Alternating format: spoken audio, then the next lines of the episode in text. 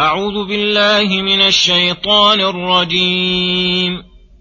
وقيضنا لهم قرناء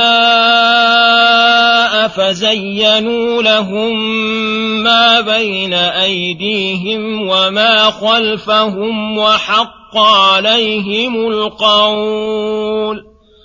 وحق عليهم القول في أمم قد خلت من قبلهم من الجن والإنس إنهم كانوا خاسرين وقال الذين كفروا لا تسمعوا لهذا القرآن والغوا فيه لعلكم تغلبون فلنذيقن الذين كفروا عذابا شديدا ولنجزينهم أسوأ الذي كانوا يعملون ذلك جزاء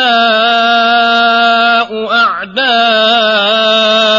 الله النار لهم فيها دار الخلد جزاء بما كانوا بآياتنا يجحدون وقال الذين كفروا ربنا أرنا الذين أضلانا من الجن والإنس نجعلهما نجعلهما تحت أقدامنا ليكونا من الأسفلين إن الذين قالوا ربنا الله ثم استقاموا تتنزل عليهم الملائكة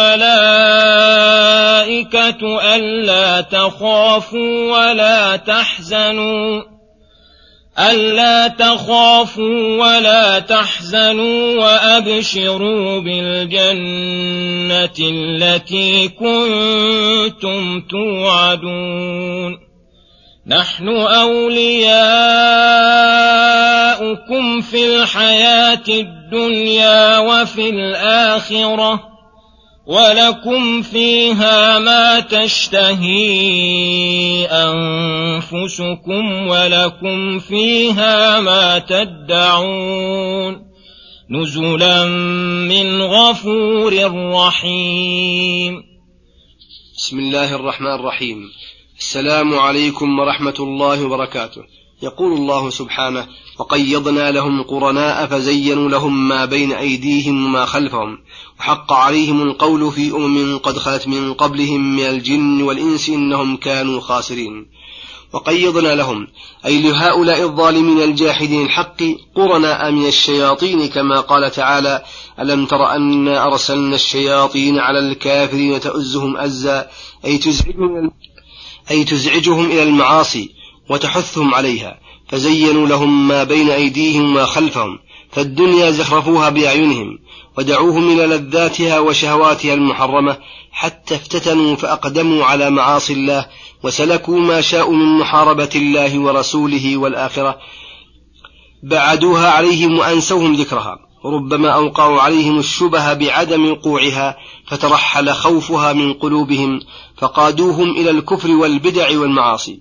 وهذا التسليط والتقييض من الله للمكذبين الشياطين بسبب إعراضهم عن ذكر الله وآياته وجحودهم الحق كما قال تعالى ومن يعش عن ذكر الرحمن نقيض له شيطانا فهو له قرين وإنهم ليصدونهم عن السبيل ويحسبون أنهم مهتدون.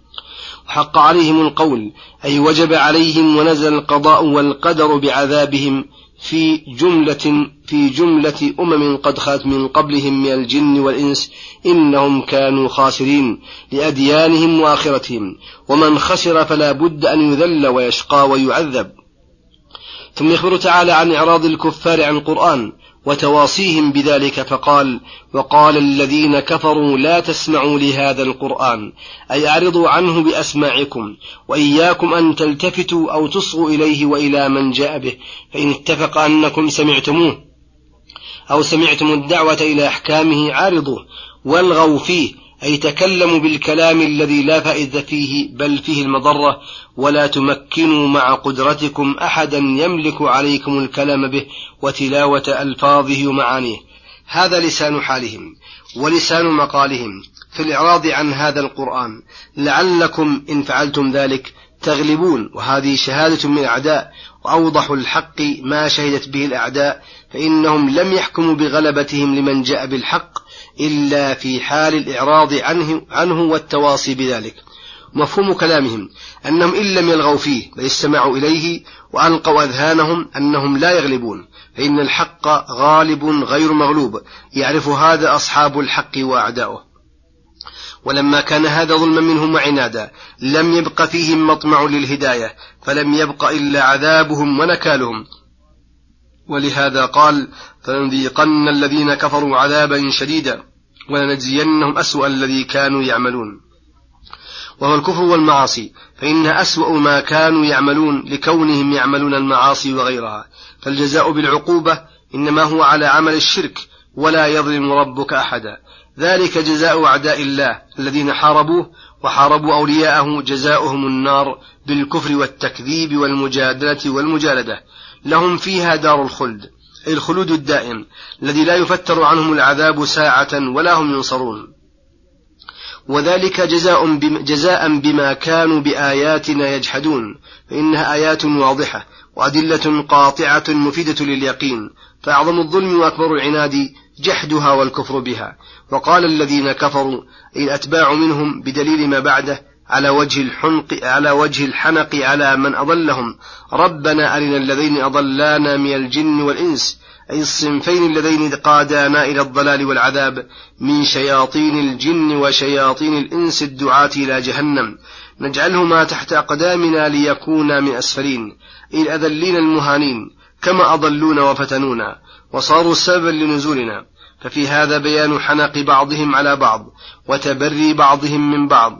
ثم يخبر تعالى عن أوليائه وفي ضمن ذلك تنشيطهم والحث على الاقتداء بهم فقال إن الذين قالوا ربنا الله ثم استقاموا أي اعترفوا ونطقوا ورضوا بربوبية الله تعالى واستسلموا لأمره ثم استقاموا على الصراط المستقيم علما وعملا فلهم بشرى في الحياة الدنيا وفي الآخرة.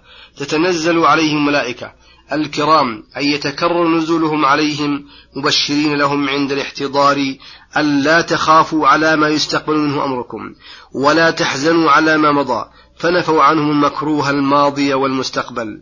وأبشروا بالجنة التي كنتم توعدون فإنها قد وجبت لكم وثبتت وكان وعد الله مفعولا.